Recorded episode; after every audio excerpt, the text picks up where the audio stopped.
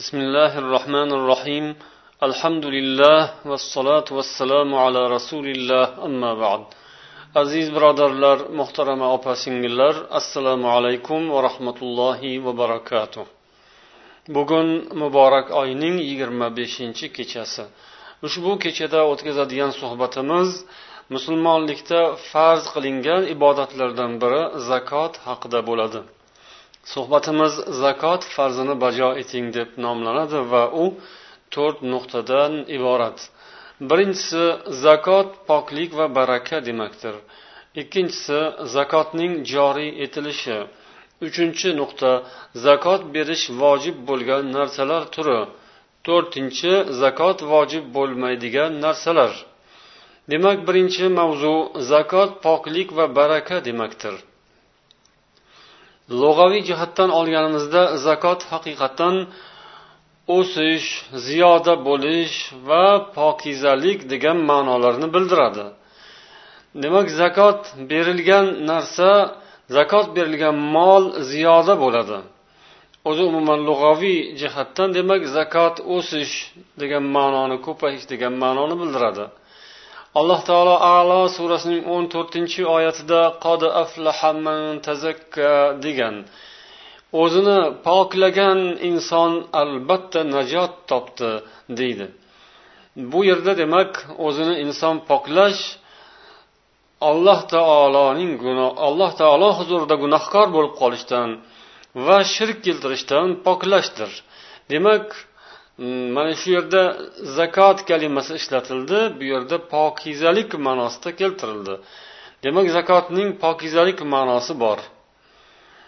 Uning demak ziyoda bo'lishi molning ziyoda bo'lishiga sabab bo'lsa pokizalik degan ma'nosi insonning o'sha moli haromdan poklanishini bildiradi va inson qalbining mol dunyoga hirs qo'yishdan va baxillik kasaliga mubtalo bo'lib qolishdan poklaydi shu bilan bir qatorda zakotni ado etadigan musulmonlarning jamiyati jinoyatlardan va bir birlariga bo'ladigan nafratu adovatlardan pokizalanadi.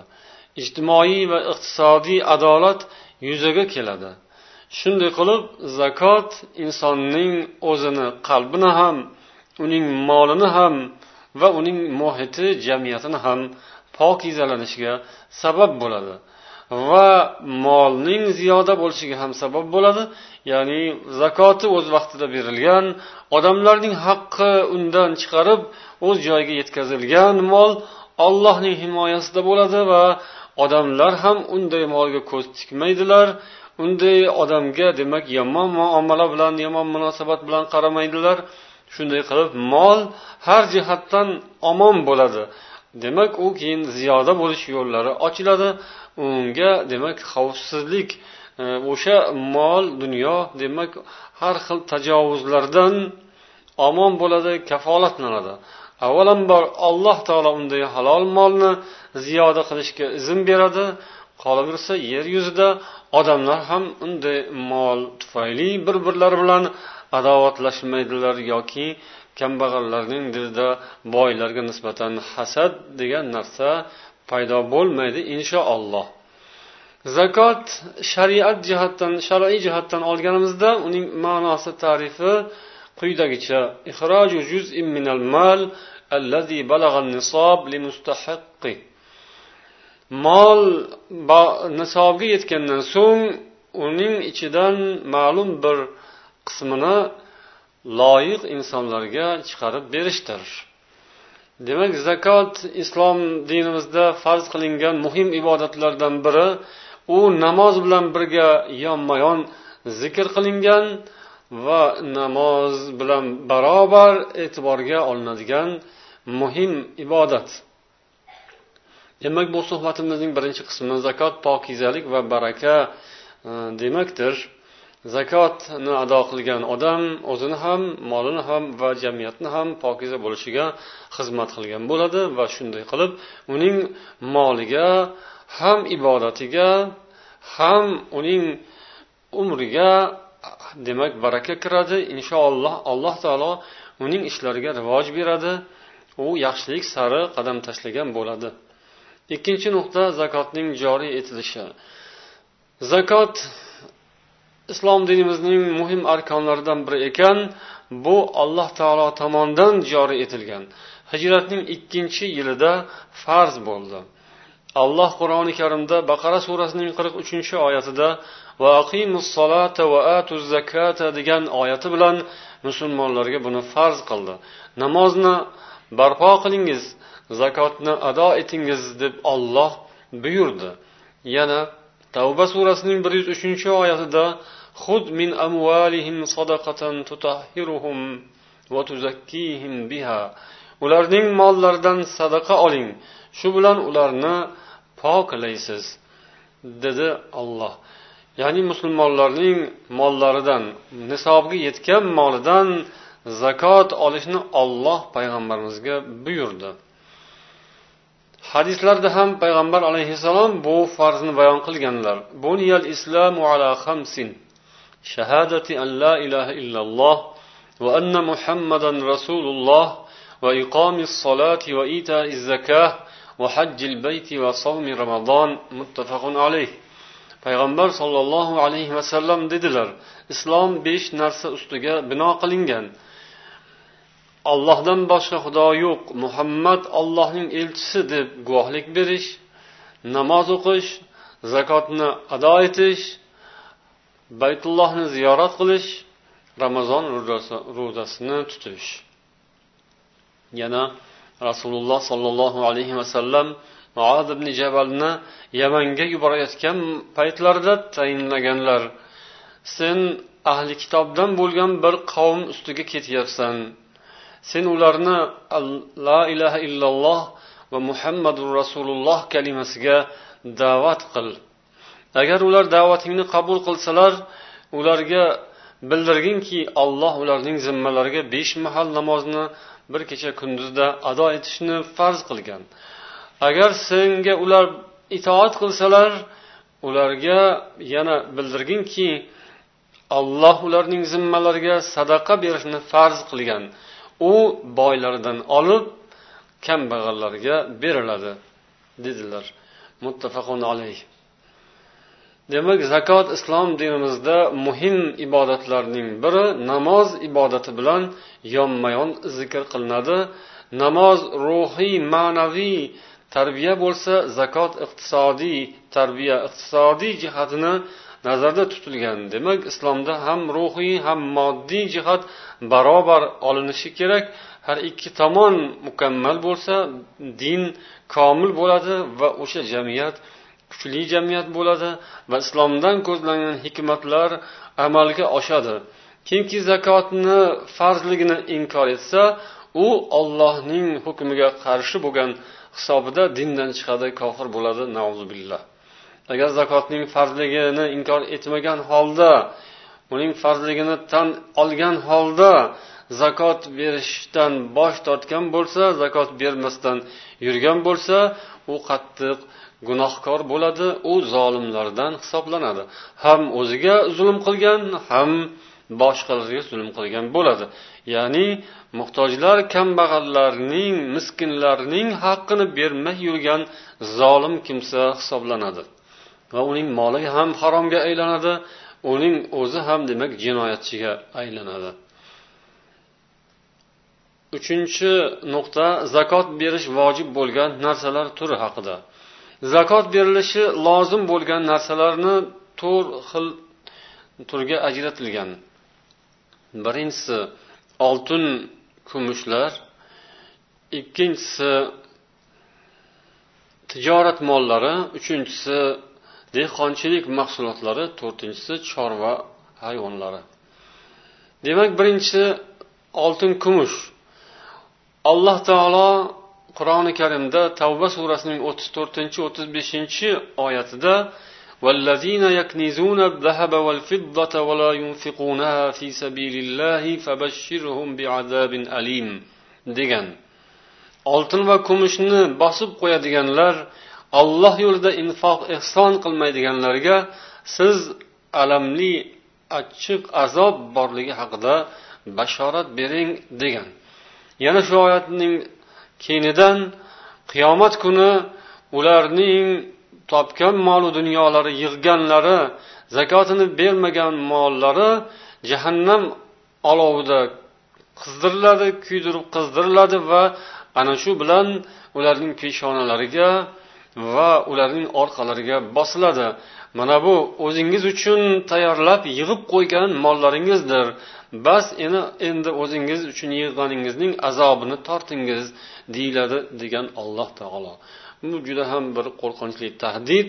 Demak moli dunyoga ega bo'lgan inson ollohdan qo'rqishi kerak va dunyosidan zakotini o'z vaqtida ado etishi lozim bo'ladi.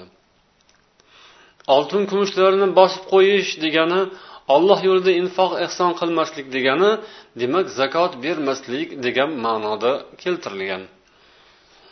Payg'ambar sollallohu alayhi vasallam ham hadislarda ana shunday zakot bermagan odamlarning moli dunyolari kattakon bir temirga aylantirilishi va qizdirib o'sha zakot bermagan odamlarning peshonasiga va orqalariga yonboshlariga mm, bosib azoblanishi ikki tomon yonlariga bosib azoblanishi haqida xabar berganlar. Demak har bir inson mol dunyosi nisobga yetgandan keyin zakotini berishi vojib. Oltin kumushlar deganda tilla kumushdan tayyorlangan har qanday narsa asbob uskuna yoki material yoki ularning shunday g'ishtga o'xshab quyib qo'yilgan holati qanday bo'lishidan qat'iy nazar demak oltin va kumush boylik sanaladi va undan zakot chiqarilishi vojib bo'ladi. Yana oltin kumush borasida gapirilganda ayollarning taqinchoqlarini ham zakot berilishi vojib narsalar qatoriga qo'shilgan ko'p ulamolar bu narsani aytishadi. Ba'zilar ayollarning taqinchoqlaridan zakot berilmaydi deganlar ham bo'lganlar ammo gapning xulosasi bu masalaning xulosasi demak agar ayollarning e, taqinchoqlari ham zakot nisobiga yetadigan miqdorda bo'ladigan bo'lsa undan zakot chiqarishadi. Zakot miqdori nisobi qancha? Tillaning nisobi yigirma dinor. Yigirma dinor hozirgi kunning hisobi bilan sakson besh grammdan iborat. Demak kimdaki sakson besh gramm tillaga ega bo'lsa u boy hisoblanadi. Ya'ni sakson besh gramm oltin o'sha insonda bir yil davomida mavjud bo'lib turishi bir yil davomida kamaymasdan turishi yoki ziyoda bo'lishi yoki mana shu chegarada turishi shart qilinadi ya'ni zakot farz bo'lishi uchun. Demak oltin hisobida sakson besh gramm oltin zakotning nisobi sanaladi. Kumush hisobida ham hisoblanishi mumkin. besh yuz to'qson besh gramm kumush zakot hisobi deb belgilangan. Mana shu miqdordagi oltin yoki kumushi bor odam zakot berishi vojib bo'ladi. Va shundan kelib chiqqan holda mana shu miqdordagi mablag'ga yoki boylikka ega bo'lgan odam ham demak zakot beradi. Demak yo oltin kumushi mana shu o'zining holida bo'lishi ham mumkin yoki shu qiymatga barobar keladigan boshqa ko'rinishdagi boyliklar bo'lishi mumkin. Ulamolar bugungi kunda iste'molda bo'lgan qimmatbaho qog'ozlar ya'ni pullar ham oltin kumush hisobida bo'lishini bayon qilishgan. Demak hozirgi kunda insonlarni qo'lida oltin kumush emas asosan e, g'oliban demak naqd pullar bo'ladi. Ana shu pullarni demak hisob kitob qilinadi. Shu pullarning hisobi agar sakson besh gramm oltinning narxiga barobar keladigan bo'lsa ya'ni sakson besh gramm oltin sotib olishga yetadigan mablag'ga ega bo'lsa va ana shu mablag' bir yil davomida kamaymasdan turgan bo'lsa va bu yana bir shart o'sha insonning hojatlaridan tashqari ortiqcha mablag' bo'lsa u zakot vojib bo'ladigan mablag'dir. Ya'ni kundalik yeb ichishdan ortib qolgan hojatlardan ortib qolgan uy asboblari mashinasi va boshqa uy anjomlari kerak bo'ladigan har kuni ishlab turadigan narsalari mana ko'rpa to'shaklari yoki paloslari uyning jihozlari ana shulardan tashqari ortib qolgan mablag'i sakson besh gramm tillaga yetadi. Shu barobar keladi. Ana o'sha odam boy hisoblanadi va u o'sha ortiqcha molining qirqdan birini zakot sifatida taqdim etishi vojib bo'ladi. Qirqdan biri ya'ni ikki yarim foiz bu unaqa ko'p miqdor emas. Ya'ni o'shancha nisobga yetadigan miqdorda moli dunyoga ega bo'lgan odam uchun uning ikki yarim foizini zakot sifatida chiqarishi hech qanday og'ir kelmaydi. Dinimiz yengillik dinidir. Alloh taolo insonlarga og'ir narsalarni yuklamagan ularni qiynaydigan ularga malol keladigan og'ir botadigan ishlarni alloh taolo yuklamagan. Illo insonning iymoni zaif bo'lsa iymoni sust bo'lsa yoki iymoni bo'lmasa unga bir ignadek narsa ham og'ir kelaveradi. Unga demak oddiy narsa ham qattiq tuyulaveradi. Demak bu insonning e, iymoni e'tiqodiga bog'liq narsa u jihati ammo iymonli odam aqlli odam farosatli odam bo'ladigan bo'lsa u islomning bu qonunini nihoyatda adolatli va o'rinli deb biladi va xursand bo'ladi va atroflarida demak miskinlar kambag'allar muhtojlar qarzdorlar bor ekan shuni ko'rib turgan odam islomda shunday zakot farz qilinganini bilgandan keyin nihoyatda xursand bo'ladi.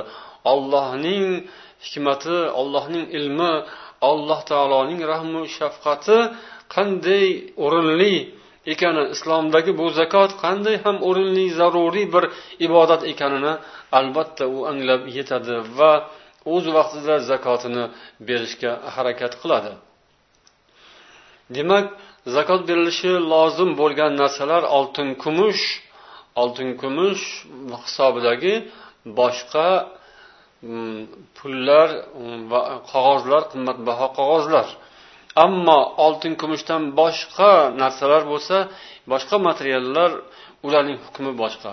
Ya'ni mm, marvarid yoki mm, olmos shunga brilliant shunga o'xshagan narsalar oltin kumush hisobida bo'lmaydi. Ularni nisobga kiritilmaydi. Ya'ni ularni hisobidan nisob olinmaydi. Ularni tijorat moli sifatida zakotga qo'shiladi. Demak bu zakot berilishi lozim bo'lgan to'rt xil narsaning bittasi oltin kumushlar va oltin kumush hisobida bo'lgan mablag' pullar. U pullar xoh so'm bo'lsin xoh dollar bo'lsin xoh yevro bo'lsin xoh tanga bo'lsin boshqa bo'lsin. Demak oltin kumush hisobida bo'ladi va ularning nisobi sakson besh gramm oltin bilan belgilanadi. Endi zakot berilishi lozim bo'lgan mollarning ikkinchi turi tijorat mollaridir. Tijorat mollari demak tijorat maqsadi bilan olingan narsalar. U har qanday narsa bo'lishi mumkin. Tijorat moli kiyim kechak bo'lishi mumkin oziq ovqat bo'lishi mumkin hayvon bo'lishi mumkin yer uy joy bo'lishi mumkin moshina bo'lishi mumkin. Demak nimaiki bo'lsa tijorat qilsa bo'ladigan va tijorat maqsadi bilan qo'lda ushlab turilgan narsalar tijorat moli sanaladi. Hali yuqorida aytib o'tib ketilgan qimmatbaho toshlar marvarid olmos yoki brilliant shunga o'xshagan narsalar ham tijorat moli sifatida qaraladi va ularning hammasini narxi hisoblab chiqiladi. Agar shularning narxi bahosi sakson besh gramm oltinning bahosiga teng kelsa o'shanda demak u odam zakot berishi vojib bo'ladi. Undan yuqorisi esa ketaveradi. Albatta tijorat bilan shug'ullanadigan odamda sakson besh gramm oltinga barobar keladigandan ko'ra ko'proq narsa bo'ladi.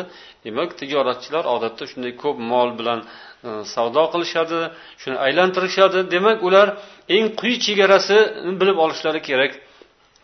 Quyi chegarasi ya'ni yo'q deganda tijorat tijoratchi odam kamida sakson besh gramm tilloga yetadigan mol dunyosini aylantirayotgan bo'lsa demak u zakot beradi. Undan yuqorisi esa ketaveradi. Ya'ni o'sha moli dunyosi qancha bo'lsa shuning hammasini hisob kitobini qiladi va ikki yarim foizini zakot uchun chiqaradi. Yuz ming pul bo'lsa demak ikki yarim mingni beradi. Yuz ming e, dollari bo'lsa ikki yarim ming dollar zakot deb beradi. Agar qirq ming dollari bo'lsa ming dollar zakot beradi. Yoki qirq ming dollarlik moli bo'lsa o'sha molining ming dollarligini ajratib zakotga chiqarib beradi. Zakotga ajratayotganda molning eng pastini eng past sifatlisini berish mumkin emas. Eng yaxshi sifatlisini ham berilmaydi. O'rtacha sifatlisini beriladi. O'rtacha holatdagi molni tanlab demak zakot uchun chiqariladi. Bu ikkinchi tur narsa. Birinchi turi demak tilla kumush va pul mablag'lar naqd pullar. Ikkinchi turdagi narsa zakot beriladigan narsa tijorat mollari bular har xil narsalar bo'lishi mumkin. Bu ikkalasini bir biriga qo'shish ham bor. Masalan pul bor tijoratchini puli bor lekin u puli nisobga yetmaydi. Ya'ni sakson besh grammga yetmaydi uning mm, puli. Ammo moli dunyosi bor u ham sakson besh grammga yetmaydigan mablag' mol hisobida miqdori ikkalasini qo'shsa yetadi. Pulini ham yoki bu yoqdagi tijorat molini ham qo'shsa sakson besh gramm oltinning bahosiga yetadigan miqdorda mablag' yoki boyligi bor ekanligi ma'lum bo'ladi. Bu odam demak zakot beradi. Ya'ni ikkalasini qo'shganda nisobga yetsa zakot beradi. uchinchi xil turdagi narsalar bular yerdan chiqadigan don dunlar hosillardir alloh taolo baqara surasining ikki yuz oltmish yettinchi oyatida يا أيها الذين آمنوا أنفقوا من طيبات ما كسبتم degan ey iymon keltirgan insonlar sizlar o'zlaringizning kasb qilgan narsalaringizning eng pokizalaridan infoq ehson qilingiz degan Va biz sizlarga yerdan chiqarib bergan narsalardan ehson qilingiz degan. Demak dehqonchilik mahsulotlardan ham zakot beriladi. Ya'ni dehqonchilik mahsulot deganda bu yerda asosan bug'doy arpa sholi shunga o'xshash mahsulotlar ya'ni don dunlar nazarda tutilgan. Don dun shu buning uchunki uni saqlab qo'ysa bo'ladi. Olib g'amlab qo'ysa kelgusi yillarda iste'mol qilish uchun g'amlab qo'ysa bo'ladigan don dunlardan zakot beriladi. Ammo saqlab bo'lmaydigan e, meva chevalardan zakot berilmaydi. Ya'ni tez yeb yuborish kerak tez chirib ketadi aynib qoladigan narsalardan demak uzum olma anor bunga o'xshash narsalarni dondun hisobiga kiritilmaydi va uni yemish hisoblanmaydi. Uni oziq ovqat yemish hisobida e, ayta olinmaydi. U meva sifatida olinadi. Darhaqiqat u odam ovqat sifatida qorin to'yg'azadigan ovqat sifatida iste'mol qilinmaydi bu e, meva chevalarni u qorin to'ygandan keyin yeyishadi. Asosan qorin to'yg'azish uchun gurunch e, va bug'doy non qilinadi. Demak ana shu narsalardan zakot berish kerak bo'ladi. Uning nisobi va uning beriladigan miqdori qanday? Bu meva mevalardan alohida demak o'simliklar ya'ni yerdan chiqadigan don dunlarning nisobi nisobi rasululloh sollallohu alayhi vasallam hadislarida xabar berilgan muslim rivoyat qilgan hadisda payg'ambar aytadilar laysa fi habbin vala samarin sadaqatun hatta yablug'a khamsata awsuq. Dondunlar va mevalarda sadaqa yo'qdir. Bu yerda mevadan murod o'sha dondundan chiqadigan uning mevasi hosil. Ya'ni dondun hosilidan to u besh vasaqqa yetmaguncha sadaqa berish vojib emas deganlar. Besh vasaqning hisobi oltmish so har bir demak oltmish so mana shundan hisoblab kelib oxirgi hisobi demak olti yuz o'n ikki kilogramm. Olti yuz o'n ikki kilogrammni tashkil qilsa hosilingiz siz undan zakot berishingiz kerak. Buning zakotning ya'ni yerdan chiqadigan don dunlarning zakotini ushur deb aytiladi. Ushur degani o'zi lug'aviy ma'nosi o'ndan bir degani. Ya'ni o'sha hosilning o'ndan birini zakot sifatida berish vojib bo'ladi. olti yuz o'n ikki kilogrammdan iborat bo'lsa eng kamida siz bug'doy eksangiz yoki arpa shol eksangiz shunda yig'ganingizda kamida olti yuz o'n ikki kilogramm hosil ko'targan bo'lsangiz demak uning o'ndan birini oltmish bir kilo ikki yuz gramm bo'ladi. Demak ana shuni siz zakot sifatida berishingiz kerak bo'ladi. Lekin bu ushur qanday holatda? Ya'ni yer hosil sizning mehnatingiz bilan sug'orilmaydigan bo'lsa shunda ushur berasiz. Ya'ni o'zi ildizi bilan suv tortib ichadigan o'simlik e, hosil ekin bo'lsa yoki osmondan yog'adigan yomg'ir suvlari bilan ko'karadigan o'sadigan ekin bo'lsa shunda demak ushur beriladi. Ammo siz o'zingiz mehnat qilib harakatingiz bilan sug'orib suv olib kelib kanaldan tortib daryodan tortib ariq qazib yoki shlang bilan boshqa bilan tortib siz sug'oradigan bo'lsangiz suvga demak mehnat sarf qiladigan bo'lsangiz unga demak siz xarajat qilgan bo'lsangiz unda siz ushur emas nisful ushur berasiz. Ya'ni ushurning yarmini berasiz. Ya'ni hosilingizning o'ndan birini emas balki yigirmadan yigirmadan birini berasiz. Ana shu bilan siz zakot haqqini ado qilgan bo'lasiz. Demak bu faqat saqlasa bo'ladigan don dunlardan beriladi. Ammo mevalardan e, xuzravot ya'ni ko'katlardan tarvuz qovun shunga o'xshash narsalardan va sabzavot poliz ekinlaridan demak hech qanday zakot berilmaydi. Illo bu narsalarning puli ko'payib demak sizni pulingizga pul qo'shilayotgan bo'lsa o'sha boylik sifatida siz zakot berasiz. Sotganingizdan tushgan pullari sizning pullaringizga qo'shilib nisobiga yetib qolishi mumkin. Ya'ni o'sha sakkiz sakson besh gramm oltinning bahosiga yetadigan pul to'planib qolsa va u bir yil shu tarzda tursa saqlanib aylanib turishi mumkin yo saqlanib turishi mumkin ish qilib kamaymagan bo'lsa unda siz zakot berasiz. Demak bu uchinchi turdagi narsalar. Ya'ni dehqonchilik mahsulotlaridan beriladigan zakotlarning ya'ni ushurning bayoni edi. Endi to'rtinchi turdagi narsalar bular hayvonot ya'ni uy hayvonlari chorva hayvonlaridan beriladigan zakotlar. Bularning ham aniq turi belgilab qo'yilgan ya'ni tuya mol qo'y echkilardan zakot beriladi. Boshqa narsalardan zakot berilmaydi. Masalan otdan zakot belgilangan emas. Bularning nisobi quyidagicha ya'ni tuyaning nisobi beshta. Beshta tuya tuyangiz beshtaga yetsa demak siz shundan zakot chiqarishingiz kerak bo'ladi. Molingiz agar o'ttiztaga yetgan bo'lsa nisobiga yetgan bo'ladi. Undan siz zakot berasiz. Qo'yingiz qirqtaga yetgan bo'lsa shundagina siz zakot berishingiz lozim bo'ladi. Yana bu hayvonlardan chorva hayvonlaridan zakot berilishining sharti shuki u hayvonlar yil davomida yoki yilning ko'proq qismida yaylovda o'tlab yurib oziqlanadigan bo'lishi kerak.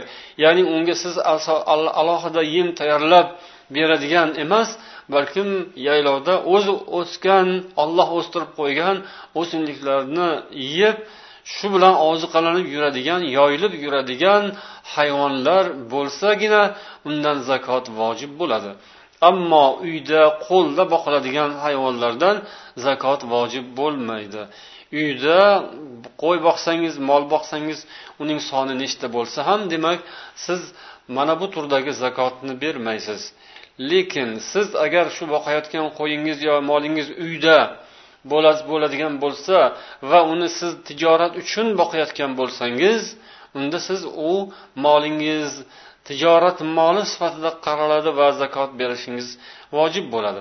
Ya'ni tijorat molidan beradigan tarzda zakotini berasiz. Ya'ni o'sha qo'yingiz o'nta qo'y boqyapsiz uyda uni sotib yoki go'shtini sotib so'yib sotmoqchisiz pul qilmoqchisiz yoki o'zini almashtirib turasiz bozorga olib chiqib e, semirganini sotib orig'ini olib boqib semirtirib sotib mana shunday ish bilan shug'ullanayotgan bo'lsangiz demak siz kasbkor kasb kor qilyapsiz tijorat qilyapsiz molingiz ko'payyapti shu pulingizni hisob qilasiz siz. Ana shundan tushgan pullarni hisoblaysiz va zakot berayotgan mahalingizda o'sha qo'ylaringizni ham qo'shib hisoblaysiz va hammasini qo'shib keyin nisobga yetgan bo'lsa o'shandan ikki yarim foizini chiqarib berasiz. Endi to'rtinchi nuqta zakot vojib bo'lmaydigan narsalar. Inson o'z ehtiyoji tushib turadigan har kuni yoki kunora ishlatib turadigan narsalarga zakot vojib bo'lmaydi. Ya'ni oziq ovqatingiz mayli uni ko'proq olib qo'ygan bo'lsangiz ham yoki ko'rpa to'shaklaringiz paloslaringiz gilamlaringiz uy joylaringiz hayvon ya'ni markablaringiz mashinangiz bunday narsalar yoki hayvoningiz bo'lsa ham o'zingiz yeyish uchun boqayotgan bo'lsangiz sotish uchun emas. Uyingizda uch to'rtta qo'yingiz bor. Oilangiz soni ko'proq ko'p bolalisiz e, sizga demak ko'proq go'sht kerak bo'ladi. Qo'yingiz bor molingiz bor. Ularni e, molni sutini ichasiz. Yoki kerak bo'lganda go'shtni so'yib yeysiz ammo tijorat maqsadingiz yo'q. Oila tebratish uchun tirikchiligingizni o'tkazish uchun qo'lingizda ushlab turgan boyligingiz sizning hojatingiz bo'ladi. O'zingiz shunga muhtojsiz o'zingizga kerak. Sizga sizning hojatingizdan ortiqcha deb qaralmaydi va ularga zakot vojib bo'lmaydi. Kiyim kechaklaringiz ham shunday qishligi bor yozligi bor idishlaringizni ham shunday. Ya'ni har kuni ishlatadiganingiz bor yoki mehmonlarga ishlatadiganingiz bor ana ularga demak zakot vojib bo'lmaydi. Qachonki ularni tijorat uchun deb alohida ajratsangiz sotaman buni pul qilaman aylantiraman desangiz o'shanda unga zakot vojib bo'ladi. Yana moshina bir qancha mashinalari bor taksi qilib qo'ygan yoki ijaraga berib qo'yganlar bo'lsa bular ham bu moshina ustidan zakot bermaydilar. Chunki bu asbobi uskuna. Asbobi uskunalardan zakot berilmaydi. Masalan duradgor odam arra teshasidan zakot bermaydi. Yoki kimnidir sexi bor stanogi bor dastgohlari bor bulardan zakot bermaydi. Shunga o'xshab moshina ham asbobi uskuna tirikchilik qilish asbobi vositasi asbobga o'xshagan arra teshaga o'xshagan yoki dastgohga o'xshagan sexga o'xshagan mm, ashyo sifatida qaraladi va ulardan zakot berilmaydi. Ammo shu asboblar vositasi bilan kelayotgan puldan zakot beriladi. O'sha yig'ilayotgan pul agar yig'ilib nisobga yetgan bo'lsa unda o'shandan demak zakot beriladi. Demak moshinani ijaraga berib qo'ygan taksi qilib qo'ygan odamlar kelayotgan pullarini yaxshilab hisoblashlari kerak va nisobiga yetganda albatta zakotini berishga harakat qilishlari lozim. Zakot demak insonlarning boy odamlarning zimmalaridagi qarz. Ularning demak zimmalaridagi farzlari o'z egalariga muhtojlarga o'z vaqtida tezda berishlari va o'zlarini poklab olishlari vojib bo'ladi. Kimlarga beriladi zakotlar? Bu inshaalloh keyingi suhbatlarimizning mavzusi. ramazon oyida insonlar zakotlarini shu oyda berishga harakat qiladilar toki savoblari ko'p bo'lsin uchun va ramazonning sharafi yana ham ulug'roq bo'lsin uchun insonlar mana shu oyda zakotlarni berishga harakat qiladilar bu ham yaxshi odat alloh barchamizga ibodatlarni chiroyli ado etishimizni nasib etsin سبحانك اللهم وبحمدك أشهد أن لا إله إلا أنت أستغفرك وأتوب إليك والسلام عليكم ورحمة الله وبركاته